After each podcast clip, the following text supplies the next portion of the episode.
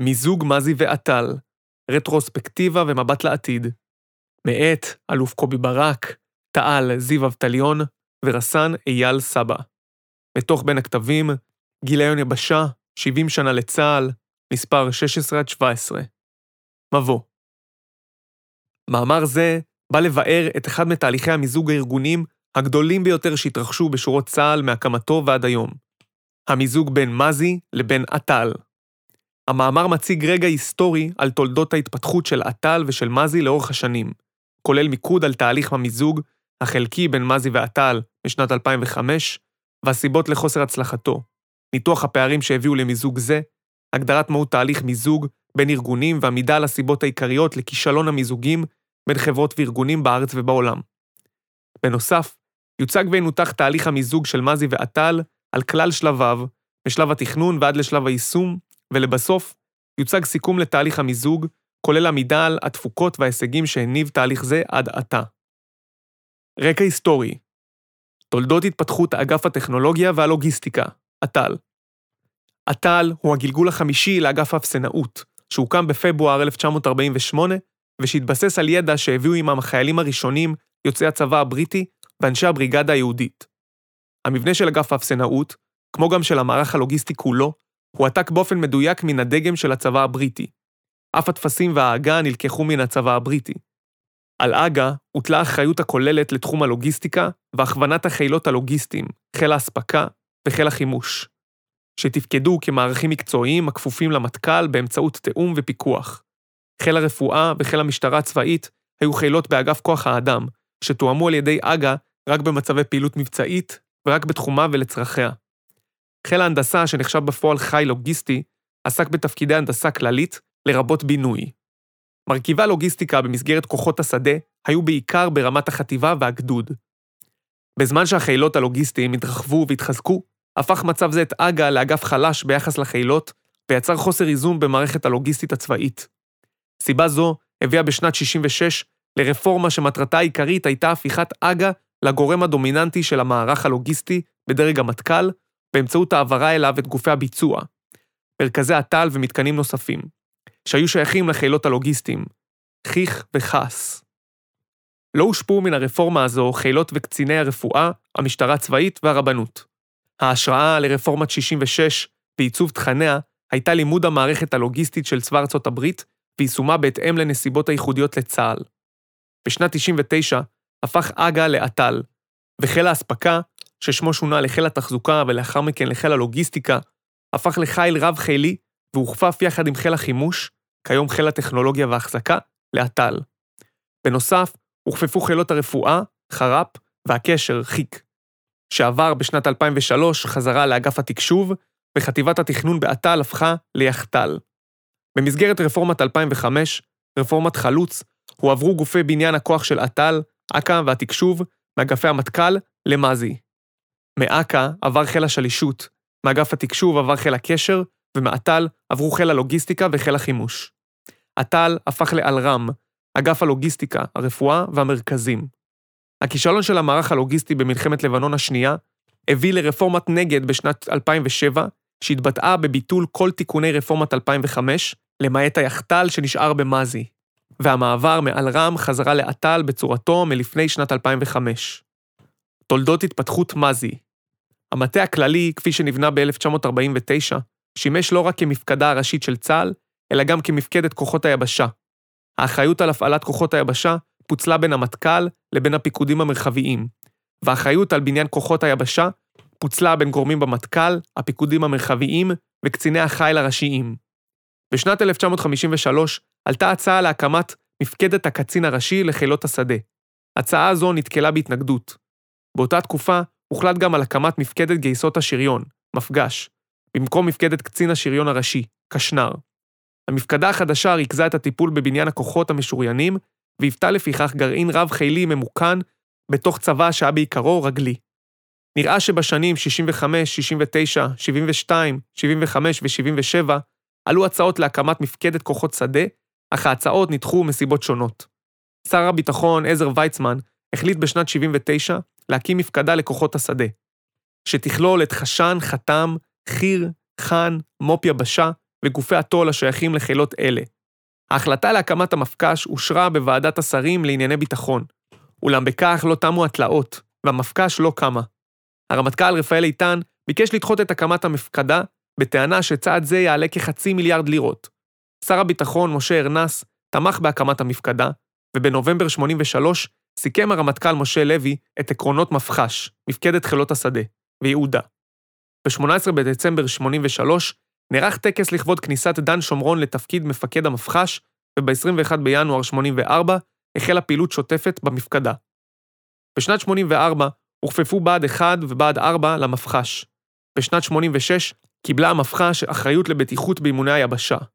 באפריל 91 הגיש מפקד המפח"ש, אלוף עמנואל סקל, מסמך שבו הוא המליץ על הפיכת המפח"ש לזרוע היבשה, אך הרמטכ"ל רב-אלוף אהוד ברק שלל את הרעיון להפיכת המפח"ש למפקדת זרוע, וקבע כי מפקד זרוע היבשה הוא הרמטכ"ל. זרוע היבשה הוקמה כחלק מתהליך השינוי צה"ל 2000. את שורשי הקמת הזרוע ניתן לראות בתוצרי צוות אביב נעורים, שיזמו סגן הרמטכ"ל מתן וילנאי וקבוצה של תתי-אלופים ב-96. הזרוע לבניין הכוח ביבשה הוקמה רשמית ב-29 ביוני 99. מיזוג 2005 וחוסר הצלחתו. בדצמבר 2005 החליט הרמטכ"ל רב-אלוף דן חלוץ על הובלת רפורמה, שהתבססה על עיקרון שלפיו על המטכ"ל לקבוע מדיניות על-זרועית, בעוד הזרועות ייהנו מאוטונומיה בתחומי אחריותן. עיקרון נוסף שעמד מאחורי השינוי היה לשלב באופן הדוק יותר בזרוע היבשה מרכיבים לוגיסטיים כדי שבניין כוחות היבשה והפעלתם ייעשה מתוך ראיית התמונה השלמה. במסגרת רפורמה זו הוכפפו לזרוע היבשה חילות מקצועיים, לוגיסטיקה, חימוש, שלישות, תקשוב, גופים טכנולוגיים, יחט"ל, יפתח, לוטם, ובהדים, 20, 11, 7 ו-6. מלחמת לבנון השנייה פרצה בעת שצה"ל היה בעיצומו של תהליך השינוי. הפגמים בשינוי הארגוני של 2005 ו-2006 נותחו במסגרת תחקיר שנעשה לאחר המלחמה, ובין היתר נכתב, בשינוי הארגוני לא הוקדשה מספיק תשומת לב לבעיות ביישום התפיסה הנובעות מההבדלים היסודיים בין זרוע היבשה לזרועות האחרות. במסמך מקיף של אג"ת נכתב, השינוי הארגוני החליש את יכולתו של המטה הכללי להפעיל את הכוח, בפרט נחלשה היכולת להפעיל את יחידות ומערכות התקשוב והיכולת להפעיל את הלוגיסטיקה. נוצרה עמימות באחריות ובסמכות של אגפי המטכ"ל ושל זרוע היבשה כלפי הפיקודים. ריבוי התפקידים שניתן לזרוע הקשה על התמקדותה במשימתה העיקרית, בניין הכוח בדרג הנפרס. אחת מהתופעות המרכזיות שעליהן הצביעו באג"ת אחרי המלחמה הייתה אחריות מפוצלת לבניין הכוח של השרשרת הלוגיסטית. עוד נכתב, פיצול האחריות לבניין הכוח של השרשרת הלוגיסטית החל עוד במסגרת צה"ל 2000. עת הועברה האחריות לבניין הכוח הלוגיסטי בדרג הנפרס לסמכות זרוע היבשה. בשינוי ב-2006 הורחבו סמכויות בניין הכוח של זרוע היבשה גם לדרג הפקמ"ר. כתוצאה מכך, מערך הלוגיסטיקה בדרג הפיקוד אינו מוכוון ואינו נתמך בשגרה על ידי אלר"ם, למרות שלאלר"ם יש אחריות להפעלת הלוגיסטיקה. כלקח ממלחמת לבנון השנייה, ואולי כריאקציה למה שנתפס כשינויים דרסטיים מדי, שמחייבים חזרה ליסודות, בוטלו בראשית כהונת הרמטכ"ל גבי אשכנזי רבים מהשינויים שהנהיג קודמו בתפקיד.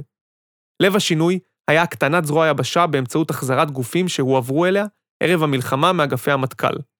בניסוח הרעיון המסדר להתארגנות מחדש של צה"ל נקבע, בין השאר, למטה הכללי של צה"ל יש תפקיד ייחודי המשלב בין היותו מפקדה על-זרועית של כלל הצבא, לבין אחריותו הישירה על הפעלת הכוח ביבשה. השינוי הארגוני כעת נועד להקנות לאגפי המטכ"ל מבנה מתאים וסמכויות מספקות על מנת להבטיח הפעלת כוח אפקטיבית במלחמה. זאת מתוך הבנה שהמטה הכללי הוא מפקדת כוחות היבשה. לזרוע היבשה תפקיד מפתח בבניין הכוח, אולם זרוע היבשה איננה מפעילת כוח ולכן השינוי הארגוני צריך למקד את הזרוע בבניין הכוח ביבשה. בכל הקשור לאט"ל, הוחזרו חילות הלוגיסטיקה והחימוש, מחלקת ההחזקה והאחריות על בניין הכוח של היחידות הלוגיסטיות ברמת הפקמ"ר, והוקמה מחדש חטיבת הלוגיסטיקה באט"ל. היחט"ל, ששמה שונה לחט"ל, החטיבה הטכנולוגית ליבשה, נותרה בזרוע היבשה על אף השינויים. אם כך, מה הגורמים שהביאו לתהליך של מיזוג מחדש? ביטול רפורמת חלוץ משנת 2005 והחזרת הגופים הלוגיסטיים ממזי לאט"ל החזירו אמנם עטרה ליושנה, אך הם לא פתרו את הכפילות והפיצול הקיימים בין מזי ואט"ל בתהליכי בניין הכוח ליבשה. למשל, בתחום המענה לחירום ומלחמה, תהליכי בניין הכוח והבקרה על המשקים החיוניים השונים המשפיעים על הלוחמה ביבשה, אורך נשימה, פעלו עטל ומזי, כל גוף בנפרד, וקיימו תהליכים דומים. בנוסף לכך, הופעלו היחידות של הגופים במזי ובעטל לזירת המלחמה באוריינטציה שונה. עטל הפעיל את המרכזים הלוגיסטיים, ומזי שילחה את יחידותיה הלוחמות לזירות המבצעיים השונות. התהליכים בתחום ההחזקה, שהיה המניע הראשון למיזוג, וניהול המשקים התאפיינו בחוסר יעילות. ההחזקה נוהלה על ידי שלושה גורמים שונים בעלי מניע שונה. חוסר עידוד, אינטראקציה, בין הגופים שעסקו בפיתוח האמל"ח, מעגל פיתוח האמל"ח מהייזום ועד הגריטה עבר בתחנות שונות בין מזי ועטל, ובתוכם כגופים נפרדים. תקציב המוכנות תוכנן ללא תכלול, אינטגרציה, בין כל המרכיבים השונים. פערים אלה הביאו לגיבוש רעיון המיזוג בין מזי לבין כל עטל. יש לציין כי נבחנו אפשרויות רבות למיזוג שכמעט והובילו לאותה טעות קונספטואלית שנעשתה בעבר, כמו ניתוק של מערך ההחזקה מעטל והעברתו לזרוע היבשה. אולם בסופו של דבר רווחה התובנה כי רק הכפפה שלמה של עטל לזרוע יבשה, לצורך בניין כוח לוגיסטי ביבשה לצד שימור התפקיד של עטל כמפקדה לוגיסטית מבצעית, המופעלת ישירות על ידי אמ"ץ במבצעי חירום ומלחמה, היא הדרך הנכונה למיזוג מסוג זה. לפני הדיון על סוגיית הצלחתו של תהליך המיזוג החדש, ולפני העמידה על טיב תהליך זה, יבואר תחילה ויוסבר מהו בכלל תהליך מיזוג ולמה רוב תהליכי המיזוג בעולם נכשלים. רקע תאורטי מהו מיזוג? מיזוג, צירוף, חיבור, הרכבה. מיזוג חברות מיזוג חברות מוגדר בישראל כהעברה של כלל הנכסים והחיובים, לרבות חיובים מותנים, עתידיים, ידועים ובלתי ידועים, של חברת יעד לחברה קולטת, אשר כתוצאה ממנה מתחסלת חברת היעד. פעולת המיזוג בתצורתה הפשוטה ביותר מערבת שתי חברות, אחת הממשיכה להתקיים, החברה הקולטת, והאחרת, הנקלטת, בחברה הראשונה ומפסיקה להתקיים, חברת יעד. תהליך מיזוג בין חברות מקיף אלמנטים רבים בארגון, ביניהם חזון הארגונים, המודל הפיננסי, המבנה הארגוני, התרבות הארגונית, ולעיתים אפילו המוצר שהארגונים המתמזגים מייצרים. טבע ו-iWEX, אוסם ונסטלה, סנדיסק ו-M Systems, AOL ובל סאות'. היא רשימה חלקית של חברות מענפים שונים שהתמזגו האחת עם השנייה בשנים האחרונות. והרשימה עוד ארוכה.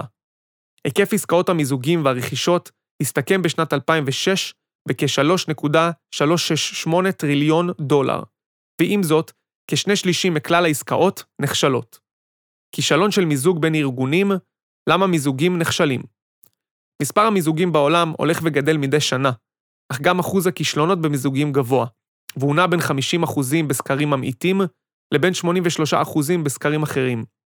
הסיבה העיקרית לכישלונות, טוען דוקטור יעקב ובר, ראש תחום האסטרטגיה ומרצה בכיר בבית ספר לניהול באוניברסיטת בן גוריון, היא היעדר או מיעוט התחשבות בגורם האנושי במהלך תכנון המיזוג, בביצועו וביישומו.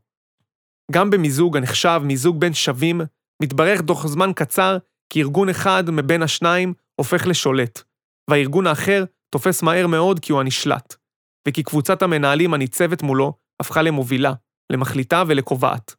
להלן מספר גורמים לכישלונות לפי ובר. 1. הבדלי התרבות הניהולית בין הארגונים שהתמזגו. 2.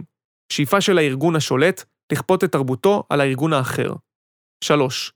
תחושות לחץ ומתח אצל הנשלטים, המפתחים עמדות שליליות נגד הארגון השולט והנהלתו. 4. ירידה במחויבות לשיתוף פעולה אצל הארגון הנשלט. 5. פגיעה בתפקוד היומיומי של עובדי הארגון הנשלט. הנה למשל דוגמה למיזוג שנכשל. בשנת 2000 התמזגו חברת Creo הקנדית בחטיבת הקדם דפוס ב Scitex, והוקמה חברת Creo Scitex. אנשי Creo נתנו לאנשי Scitex להרגיש כי הם יהיו שותפים מלאים בקבלת ההחלטות. אך אנשי Creo השתלטו על החברה הממוזגת תוך עריכת שינויים ארגוניים. 20 מתוך 25 המנהלים הבכירים של Scitex עזבו בשנה הראשונה למיזוג. בשל עזיבת מנהלים ואנשי מקצוע, הארגון הממוזג הפסיד הון אנושי וידע, בעוד שהמטרה המרכזית במיזוג הייתה לרכוש ידע זה בארגון החדש ולשומרו. איך ניתן למנוע כישלונות? הנה מספר המלצות למניעת כישלון בתהליך המיזוג. ראשית, נדרש לשלב את המנהלים בתחילת תכנון המיזוג, לזהות גישות וסגנונות ניהול בארגונים השונים, ולבנות תוכנית להתמודדות עם הבדלי תרבויות שאותרו, לגישורם ולצמצומם. תוכנית ההתערבות צריכה להימשך עד שנתיים ממועד המיזוג, מדגיש ואבר, והיא צריכה לכלול מדדי בקרה לאורך תקופה זו. המדדים בוחנים השפעות היכולות לנבוע מהבדלי תרבות, כמו רמת לחץ, מתח, תחושת מחויבות, רמת שיתוף פעולה, שיעור עזיבת מנהלים ועוד. בחברת IE&P Group, חברה לייעוץ וניהול ארגוני ותפעולי, טוענים כי עקב האכילס של תהליכי המיזוג הוא חוסר תשומת הלב לשונות בין תרבויות ארגוניות, לפרט ולרגשותיו ולבעיות המוטיבציה אצל העובדים. עוד הם מדגישים כי המפתח להצלחת המיזוג הוא תכנון התהליכים מראש, השקעה בהון האנושי וקליטה מסודרת של כוח האדם הנכנס לארגון החדש. דוקטור איתן אור, מנכ"ל חברת הייעוץ האסטרטגי, טק, מסביר כי את התרבות הארגונית נוהגים להזניח בתהליך המיזוג. ארגון הרוצה מיזוג מוצלח צריך לעשות חקר תרבות ארגונית ולהבין מהו המכנה המשותף בין התרבויות של שני הארגונים לדעתו. לאחר סקירה קצרה אודות הסיבות העיקריות לכישלון ארגונים וחברות אזרחיות בארץ ובעולם, יוצגו בהמשך ההכנות והתהליכים שנעשו כדי להבטיח מיזוג מוצלח בין מזי לאט"ל. תהליך מיזוג מזי ואט"ל בסיכום שלב התכנון של תר"ש גדעון בשנת 2015, סקר הרמטכ"ל את העקרונות שעמדו ביסוד עבודות המטה הארגוניות שבוצעו במסגרת תכנון התר"ש. התאמת מבנה צה"ל לאתגרי שדה הקרב, התייעלות ומניעת כפילויות בתהליכי עבודה, צמצום כוח אדם, הפניית משאבים מהוצאה על השכר להתעצמות והעצמת השלם היבשתי. לאור עקרונות אלה, וכחלק ממגמה מטכ"לית שטבעה וקראה לחיזוק היבשה, הורה הרמטכ"ל רב-אלוף גדי איזנקוט על מיזוג אט"ל וזרוע היבשה לגוף אחד. עוד קבע הרמטכ"ל כי במסגרת תהליך זה לא תתקיים שלטנות, דומיננטיות, של אחד משני הארגונים, זרוע היבשה ואט"ל, אלא תתקיים עבודה על היעד המשותף, יבשה חזקה יותר. מטרת המיזוג הוגדרה על ידי הרמטכ"ל כך: לשפר את היכולות היבשתיות והלוגיסטיות במלחמה, בחירום ובשגרה, על מנת לתרום לניצחון צה"ל. בראשית הדרך הגדיר מפקד הזרוע מחדש את הייעוד של זרוע היבשה ואט"ל כך: ייעוד זרוע היבשה. לבנות את כוחות היבשה לכלל מצבי התפקוד, שגרה, חירום ומלחמה, עד רמת הגיס, כולל את המערכים הטכנולוגיים והלוגיסטיים, עד רמת המטכ"ל, בראייה רב-זרועית ולקיימם בכשירות הנדרשת. ייעוד אט"ל למלא תפקידי המפקדה הכללית בתחום הלוגיסטיקה בצה"ל, לפקד על המערכים הלוגיסטיים בדרג המפקדה הכללית ולתאם את כלל החילות הלוגיסטיים בתחום בניין הכוח בכל הדרגים.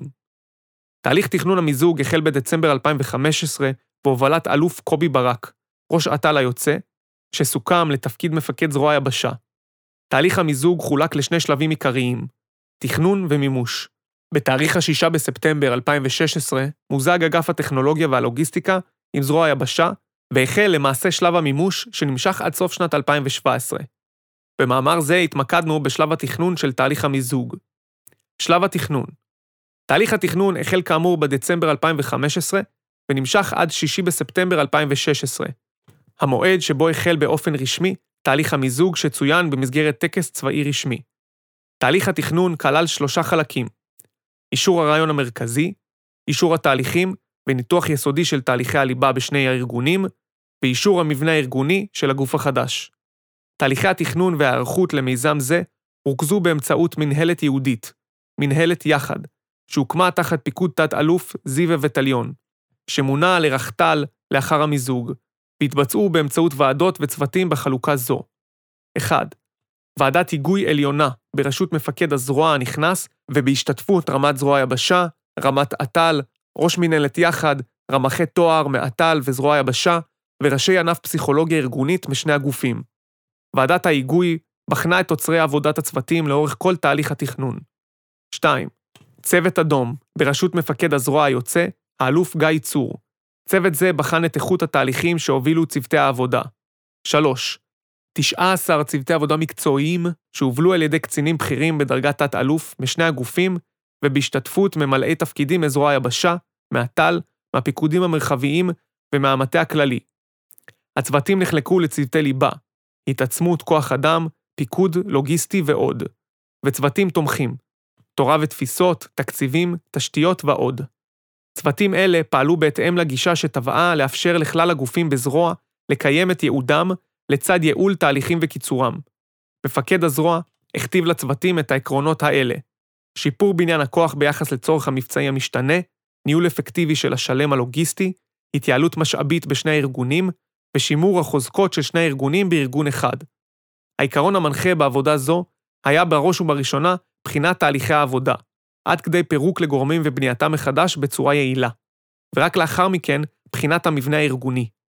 יודגש כי חלק גדול מכישלונות של מהלכי המיזוג בסקטור האזרחי נובע מהריצה לתכנון מבנה ארגוני חדש, בלי לבחון לעומק את ייעול התהליכים העיקריים בארגון החדש. צוותי העבודה המקצועיים עסקו במשימות עיקריות אלה 1.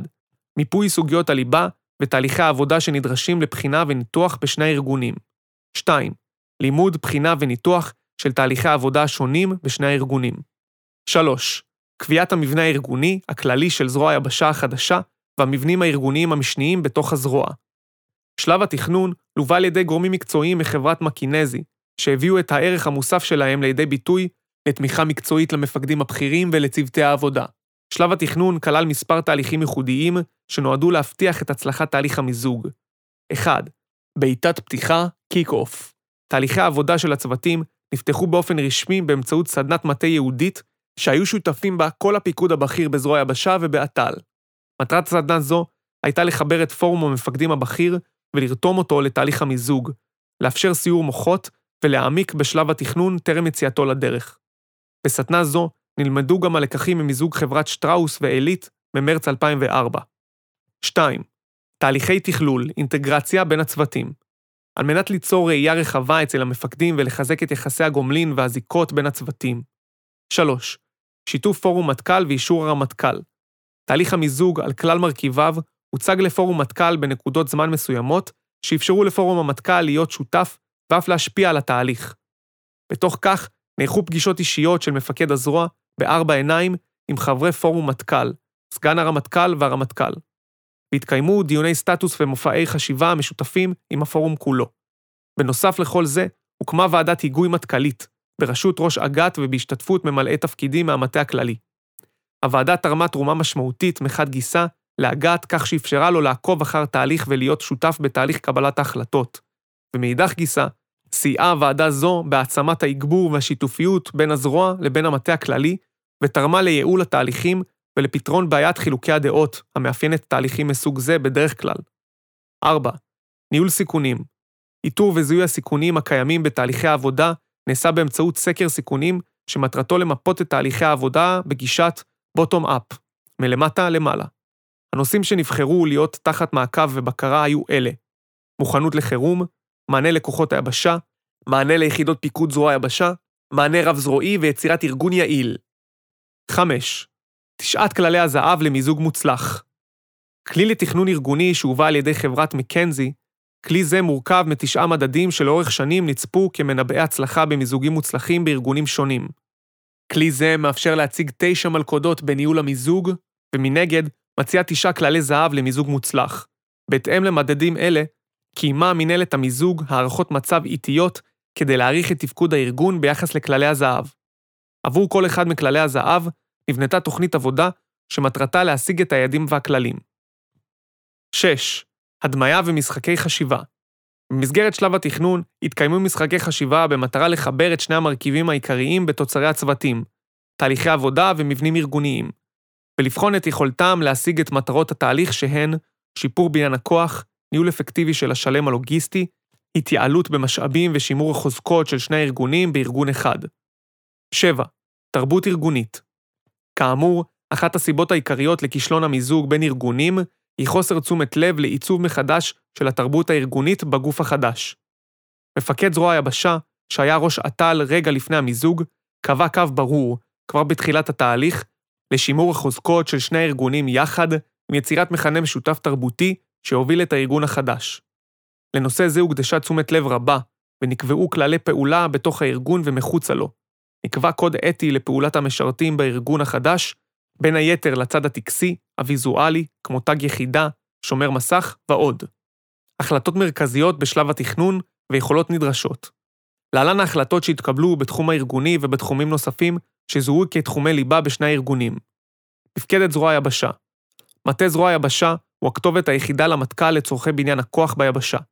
כך נוצרה אחידות וראייה שלמה בהסתכלות על בניין הכוח היבשתי. מעגל התכנון השלם במטה זרוע היבשה יחוזק, וגם תחום כוח האדם ליבשה חוזק. במיוחד תכנון כוח האדם משלב טרום הגיוס ועד לשלב השחרור במילואים.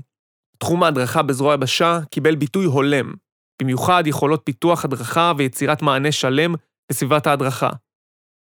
יכולת כתיבת התפיסות ליבשה חוזקה וכן מעמדן בראשית הצירים לפעילות הזרועית. הוחלט על יצירת עצמאות זרועית בתחומי הרשת והשוב שהיא קריטית לפיקוד ולשליטה. בניין הכוח היבשתי אוגד בתפיסת יסוד ללוחמת היבשה, יבשה באופק, המשקפת את ראיית זרוע היבשה בנוגע להרכב כוחות היבשה ולאופן פעולתם בשדה הקרב העתידי של צה"ל. הט"ל ימשיך לשאת בחלק מתפקידיו כאגף ויפעל עצמאית כמפקדה ראשית להפעלת כוח במטה הכללי. הט"ל ישמש גוף המנהלה של זרוע היבשה ויתכלל את התחום עבור זרוע היבשה. בנוסף, הט"ל ינוהל כמערך עצמאי על פי הנחיות מטה זרוע היבשה. בתוך כך 1. המענה לחירום ומלחמה. תבוצע הפרדה מוחלטת בין הפעלת הכוח לבניין הכוח. בהפעלת הכוח, הט"ל כמפקדה מטכ"לית לוגיסטית ימשיך להיות כפוף ישירות למטכ"ל. בבניין הכוח, הט"ל כפוף באופן מלא למז"י. 2. תהליך התכנון הזרועי. נוצר תהליך תכנון זרועי אחוד, יעיל ומועיל, היכול להגבר סינרגיה בין הארגונים ולחבר בין הייעוד לבין המטרות של זרוע היבשה והט"ל יחד. יצירת השלם המבצעי ביבשה המוכוון למתן מענה לוגיסטי רצוף ואיכותי בכל מצבי התפקוד. לכן, גובשו הנחיות ודירקטיבה ברורה לתכנון הזרועי שטבעה את הטיפול ביציבה אסטרטגית לצורך ארגון הסד"כ ומרכיבי הפלטפורמות העיקריות בזרוע היבשה. מתן סדר עדיפויות לבניין הכוח לפי סדר עדיפות אופרטיבי, טיפול באתגרים המרכזיים של הלחימה, כמו לוחמה תת-קרקעית, וחופת אתר. מחקר וכתיבת תפיסות, קיום צה"ל ומוכנות לחירום וארגון השירותים והמשקים הרב-זרועיים. 3. כוח אדם. מדיניות כוח אדם נקבעה לפי עיקרון השלם הזרועי, הכולל את כלל מערכי הלחימה, המתמרנים, הסיוע הקרבי והסיוע המינהלתי, מרמת המטכ"ל עד לרמת היחידה. ברוב המערכים, מדיניות כוח אדם תומך לחימה תיקבע על ידי חטיבת כוח האדם במז"י. כלומר, האחריות והסמכות לתהליכי התכנון של כוח אדם נקבעו למטה הזרוע בלבד, תוך קביעת דירקטיבות ראשיות על פי הנחיית מפקד הזרוע כחלק מאחריותו על מערך הסיוע המינהלתי ליבשה. ניתן הדגש מיוחד על המקצועות שהוגדרו כקריטיים לתמיכה בלחימה, כמו מקצועות הנהיגה והחזקת רקם. מקצועות אלה ימוצו ברמת המערך המינהלתי לשם צמצום הנשר ומיצוי מיטבי של מקורות המשאב. 4. אתה יהיה אחראי על המענה הלוגיסטי ליחידות היבשה. במצב שהיה לפני המיזוג, ניתן המענה הלוגיסטי ליחידות היבשה על ידי מחלקת הלוגיסטיקה הזרועית, שהייתה כפופה לרח"ט היבשה. מנגד, רוכז המענה לפיקוד אט"ל על ידי ענף יהודי באט"ל. מצב זה אפשר אומנם סגירות לוגיסטיות ברמת הגופים, אך הוא לא ביטא את הסינרגיה הנדרשת מהמיזוג. בתוך כך, הוחלט על מתן מענה לוגיסטי אחוד בכלל מצבי התפקוד בראשות רח"ט הלוגיסטיקה באט"ל, בהתאם לדירקטיבות מפקד הזרוע. 5. החזקה, ניהול משקים והתעצמות. תחום זה מהווה את אחת הסיבות העיקריות לאיחוד, והוא גם צפוי להיות אחת התועלות המרכזיות מאיחוד תחום המשקים והמלאים. במצב שקדם למיזוג, ניכר חוסר יעילות בתהליכים. ההחזקה נוהלה על ידי שלושה גורמים שונים, בעלי מניע שונה. חוסר הידוד בין הגוף המפתח אמל"ח לבין הגוף המתחזק אותו. תקציב המוכנות תוכנן ללא תכלול בין כל המרכיבים, ועוד פערים נוספים בתחום זה. לכן, הוחלט שהחת"ל תועבר לאט"ל עם כפיפות כפולה.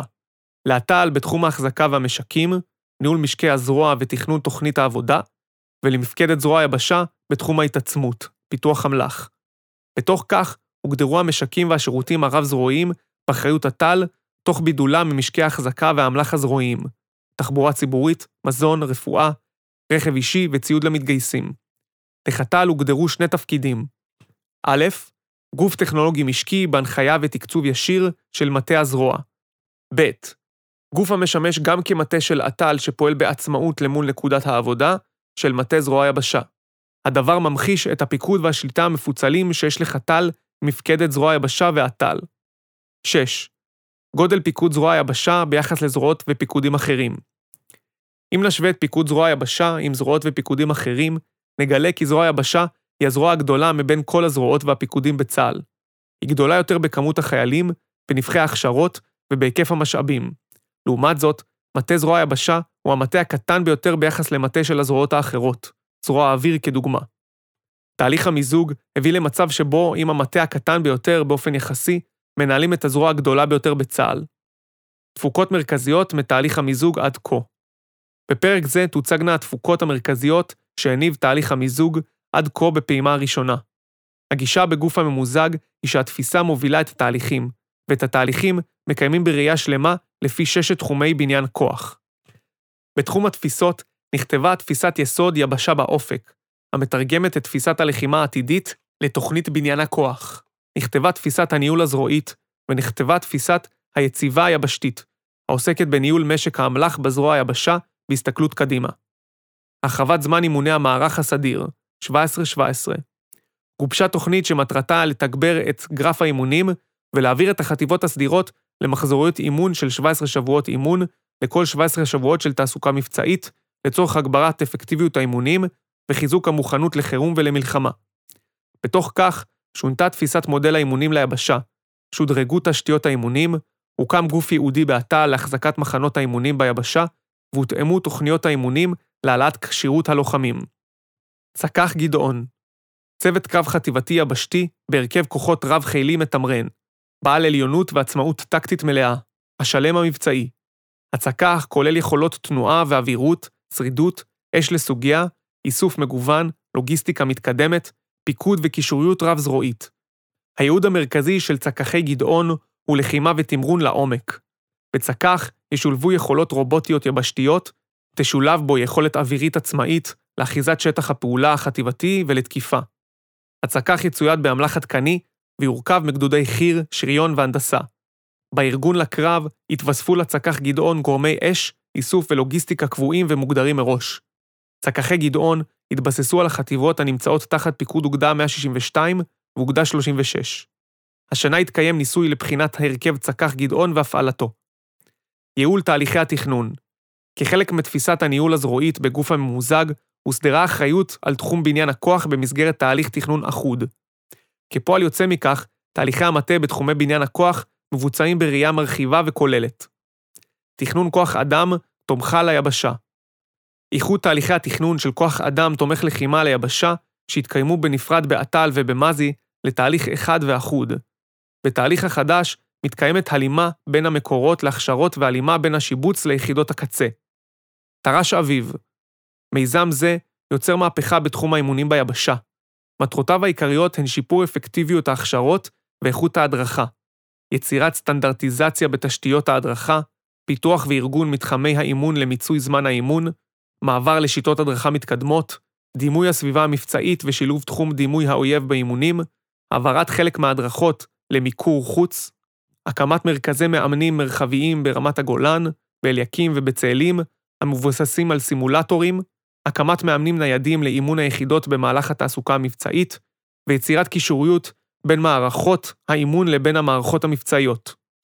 טיפול בתשתיות העברת האחריות על מחנות האימונים לזרוע היבשה, מיסוד התשתיות במחנות האימונים בראי גרף 17-17, מיסוד תשתיות ההדרכה והאימון ביבשה במסגרת תר"ש אביב, מיקוד ההשקעה בתשתיות מחנות הערבה, תר"ש רותם, שיפוץ מתחמי מגורים וסניטציה ביבשה, מיזם בית חם, טיפול משותף של זרוע היבשה והפקמ"רים בתשתיות התה"ל במחנות האימונים, התא"ם והמפקדות, מיזם שילוב ידיים ועוד.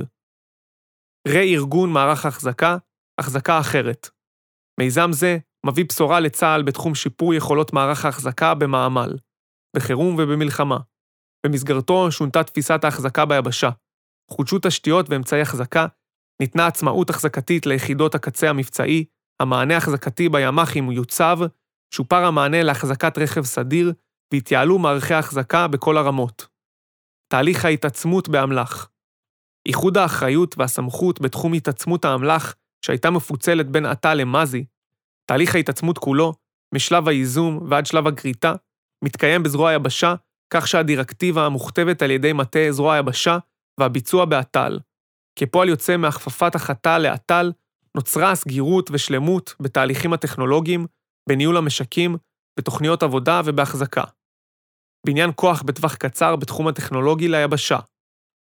חוזק הקשר בין מחלקת אמל"ח לחת"ל, ונבנתה יחידת מטמון, מבצעים טכנולוגיים, מו"פ וניסויים, לצורך מתן מענה טכנולוגי שלם בלוח זמנים קצר מאוד, לצרכים המשתנים בגזרות הלחימה השונות, לצד בניין כוח טכנולוגי ארוך טווח, כזה הנשען על תוכניות רב-שנתיות.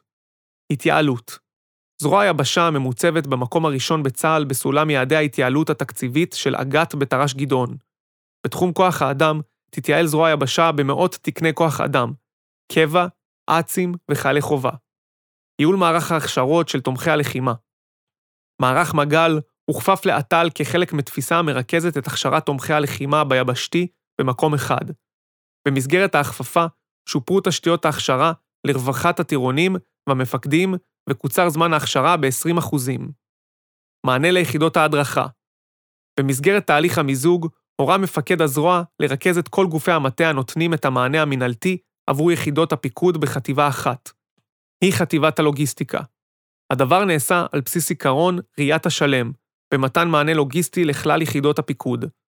עוד הגדיר מפקד הזרוע כי חטיבת ההדרכה, חטיבת היבשה לשעבר, תהיה הגוף הזרועי האחראי על תיאום כל יחידות ההדרכה בכל ההיבטים, הכשרות, אימונים, לוגיסטיקה וכדומה. שינוי זה יצר מענה לוגיסטי טוב יותר ליחידות ההדרכה, ואפשר לחטיבת ההדרכה את היכולת להתמקד בהדרכה ובמתן מענה איכותי יותר ליחידות. השלם מול הפיקודים זרוע היבשה תיתן מענה שלם לבניין הכוח היבשתי בפיקודים המרחביים, לדוגמה, תחום הימ"חים, שלא טופל כהלכה בעבר, יש לזרוע היבשה, במבנה החדש שלה כיום, את היכולת לטפל בכל תחומי בניין הכוח, מכתיבת תפיסות ותורות, עבור הארגון, בכוח אדם, בהכשרות ובאימונים, וכלה בתחום התשתיות. התהליך השלם הזה יוצר אפקטיביות מבצעית טובה יותר עבור הפיקוד המרחבי. קבלת תחומי אחריות מהמטה הכללי. במסגרת תהליך המיזוג, הובילה זרוע היבשה מגוון עבודות מטה בשיתוף עם המטה הכללי לקבלת סמכויות ותחומי אחריות בתחומים השונים, אשר יסייעו לזרוע היבשה לבנות את כוחותיה בצורה אפקטיבית יותר. כך למשל, תחום תכנון כוח אדם חובה, שהיה מתוכלל על ידי המטה הכללי עבור מזי ואט"ל באופן נפרד, עבר לסמכות מזי, וכיום זרוע היבשה מתכננת את כוח האדם המינהלתי ביבשה. בתחום הסגל קיבל מזי סמכויות מהמטה הכללי, המאפשרות לו, לדוגמה, לשבץ קצינים בדרגת אלוף משנה במטה זרוע היבשה. בתחום התקשוב, שלהבדיל מזרוע האוויר והים, אצלם תחום זה מאורגן כמערך אורגני בפני עצמו, אינו נמצא באחריות מזי, כי אם באחריותו של קשרר. כתוצאה מכך, החלה עבודת מטה להקמת מערך תקשוב יבשתי בזרוע היבשה, בדומה לזרועות האוויר והים. סיכונים ואתגרים בתהליך מיזוג מזי ואט"ל. חוסר הטמעה עמוקה של התהליך. הארגון הממוזג נמצא אומנם אחרי גיבוש המבנה הארגוני, אך בזאת לא תמה מלאכת המיזוג, וטרם הופקו ממנה התוצרים החשובים. אחת הסכנות שאנו מתמודדים איתם כיום היא חוסר הטמעה מלאה של תהליכי העבודה בארגון לצד תביעות מפקדים לביצוע שינויים ארגוניים. כך למשל, בעוד שנוהלי העבודה שנכתבו אינם מוטמעים ואינם ממוסדים באופן מלא בארגון, עולים קולות חדשים לביצוע שינויים ארגוניים תוך כדי תהליך ההטמעה. הדרישות לשינויים באות על רקע חוסר סבלנות של חלק מהמפקדים, שאינם רואים עדיין תפוקות בין תהליך המיזוג. צריך לזכור שהארגון החדש עדיין עסוק בשלב התשומות והמשאבים, וטרם עבר לשלב הפקת התוצרים הסופיים, תפוקות. כך שביצוע שינויים ארגוניים ותהליכיים בארגון החדש, ללא מיסוד התהליכים בו והפנמת התועלות הצפויות ממנו, עלול לפגוע בתהליך המיזוג ואף לסכן את הארגון כולו. דור שלא ידע את יוסף. סכנה נוספת בתהליך המיזוג היא החלפת ממלאי התפקידים תוך כדי הטמעת התהליכים, בעוד שתהליכי העבודה אינם מוטמעים עד תום. מצטרפים לארגון החדש ממלא תפקידים חדשים, שמחד גיסא יש להם רצון עז להניע ולקדם תהליכים, ומאידך גיסא, הם לא היו שותפים לתהליך המיזוג, אינם מכירים את הרקע ואינם מבינים את מהות התהליך ומידת המורכבות הגלומה בו. תחלופה זו של ממלא תפקידים מקשה במידה מה על השלמת תהליך ההטמעה, ומגבירה את הסיכון לביצוע שינויים ארגוניים חדשים ולא מתוכננים, מתוך רצון טוב להשיג תפוקות באופן מיידי. באותו עניין, הנחה מפקד הזרוע לקיים תהליך סדור של הדרכת ממלאי תפקידים חדשים, תוך ליווי והכוונה של ממלאי תפקידים ותיקים שהיו שותפים באופן מלא בתהליך המיזוג. מבנה מטריציוני. תהליך המיזוג יצר בגוף החדש מבנה ארגוני מטריציוני ומורכב. כך למשל, עם הכפפת החטא לאט"ל, נוצר מבנה ארגוני מטריציוני ומורכב לאורך כל שרשרת הפיקוד, שבמסגרתו נוצרה לחלק מממלאי התפקידים אחריות וכפיפות כפולה. לדוגמה, ראש החת"ל כפוף לראש אט"ל, משמש ראש מטה ועומד בראש הגוף המשקי, תחום ההחזקה והמשקים. במקביל, הוא כפוף למפקד זרוע היבשה ומשמש ראש הגוף הטכנולוגי ליבשה, התעצמות ופיתוח אמל"ח, והוא נדרש לאזן בצורכי ההתעצמות ובניין הכוח בין האמל"ח לבין המשקים. דוגמה נוספת לכפיפות הכפולה היא ראש אט"ל הכפוף למזי, אך במצבי חירום ומלחמה מתפקד כראש מפקדה ראשית להפעלת כוח הכפופה ישירות לרמטכ"ל. אמנם מבנה מטריציוני זה יוצר אתגרים בהיבט הפיקוד והשליטה, אך מנגד הוא מאפשר לגוף הממוזג להתמודד ביעילות עם מצבים מורכבים ומשתנים. כדי שארגון עם מבנה כזה יפעל בצורה אפקטיבית, נדרש להגדיר באופן מדויק את התפקידים, לאפשר שיח פתוח ולפעול בשיתוף פעולה ובשקיפות מידע בין הגופים השונים בארגון. הטמעת המיזוג כמוה כריצה למרחקים ארוכים. תהליך המיזוג אינו תהליך פשוט, ואינו מסתיים מיצירת מבנה ארגוני חדש, אם כי תהליך מורכב, אבולוציוני והדרגתי, הדורש זמן, מחייב הפנמת התהליכים והטמעתם עד תום בארגון. סיכום ומסקנות תהליך המיזוג בין מזי לאט"ל תוכנן בקפידה לאחר שנלמדו לקחי המיזוג של שנת 2005, ונלמדו לקחים מתהליכי מיזוג שנכשלו, וכאלה שהצליחו במגזר האזרחי בארץ ובעולם. תהליך המיזוג התחשב בהבדלי התרבויות בין מזי ואט"ל.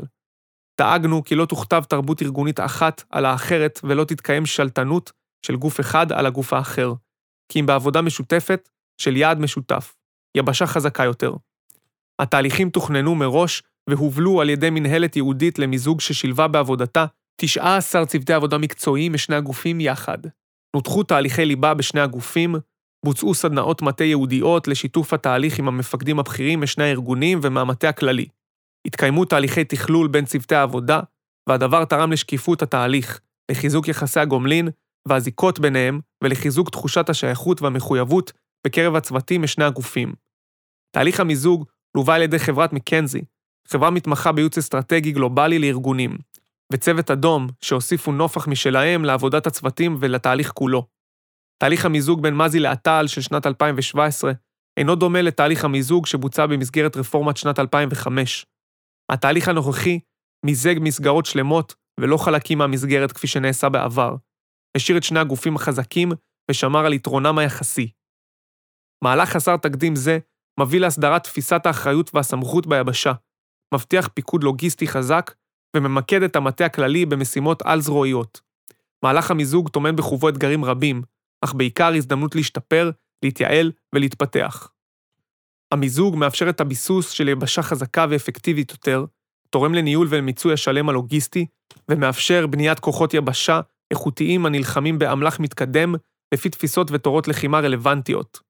זרוע היבשה כיום מביאה את המענה השלם לפיקודים, היא נוכחת ומובילה תהליכי עומק בצה"ל.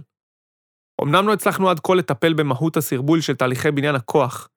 לא באנו אל המנוחה ואל הנחלה במימוש התפיסות הלכה למעשה, ותהליכי בניין הכוח אינם מותאמים למהפכה הדיגיטלית. אך במקרים רבים הצלחנו להביא בשורה וייעלנו את תהליכי בניין הכוח. כך למשל, אפשרנו לפיקוד הדרום במסגרת המענה לתוכנית שומרי סף להתמודד בצורה מיטבית עם איום הפרות הסדר בגבול רצועת עזה, באמצעות התעצמות באמל"ח ייחודי תוך זמן קצר של ימים עד שבועות. תוכנית זו התאפשרה הודות לשילוב זרועות בין גוף האמל"ח, גוף הפיתוח והגופים המממשים. תהליך המיזוג הביא את זרוע היבשה לקו הזינוק, בהתעצמות ובבניין הכוח. אך עיקר המלאכה במימוש הפוטנציאל הטמון בתהליך זה עודנה עומדת לפנינו. תהליך המיזוג מתקיים בסינרגיה מרשימה על כלל רבדיו, וניכרת בתהליך זה התייעלות ארגונית ותהליכית שראויה לציון. יש להמשיך בתנופת העשייה והשינוי גם בשנים הקרובות, כדי להשלים את התהליך באופן מיטבי. לאן ממשיכים מכאן? בזרוע היבשה מתכוננים לפעימה השנייה של תהליך המיזוג. מטרת הפעימה השנייה היא להכין את המבנה הארגוני של מזי לתפיסת מערכי הקרב לאור העובדה שצה"ל צפוי לעבור לתפיסת מערכים מתמרנים בתצורת צוותי קרב משולבים. המשמעות היא שמערך התמרון יעבור מתפיסת הפעלה וקטורית של חילות, שריון, תותחנים וכדומה, לתפיסה של צוות קרב משולב. אמנם צה"ל הפעיל במבצעים האחרונים את המערך המתמרן בשילוביות טקטית זרועית בין-זרועית, אך המעבר למסגרות אורגניות של צוותי קרב יהיה קפיצת מדרגה במוכנות למלחמה. בנוסף, החלו להתקיים תהליכים לבניית יכולות עתידיות, כמו מימוש תפיסת חופת אתר, מעבר לארכיטקטורה פתוחה, הרחבת יכולות האפליקציות המבצעיות, תפיסת לחימה משולבת רב-זרועית, תהליכים אלה ואחרים מגבירים את עוצמת זרוע היבשה ואת קטלניותה בשדה הקרב. רק אלה שהסתכנו ללכת רחוק מדי, יכולים אולי לגלות עד כמה רחוק אפשר ללכת.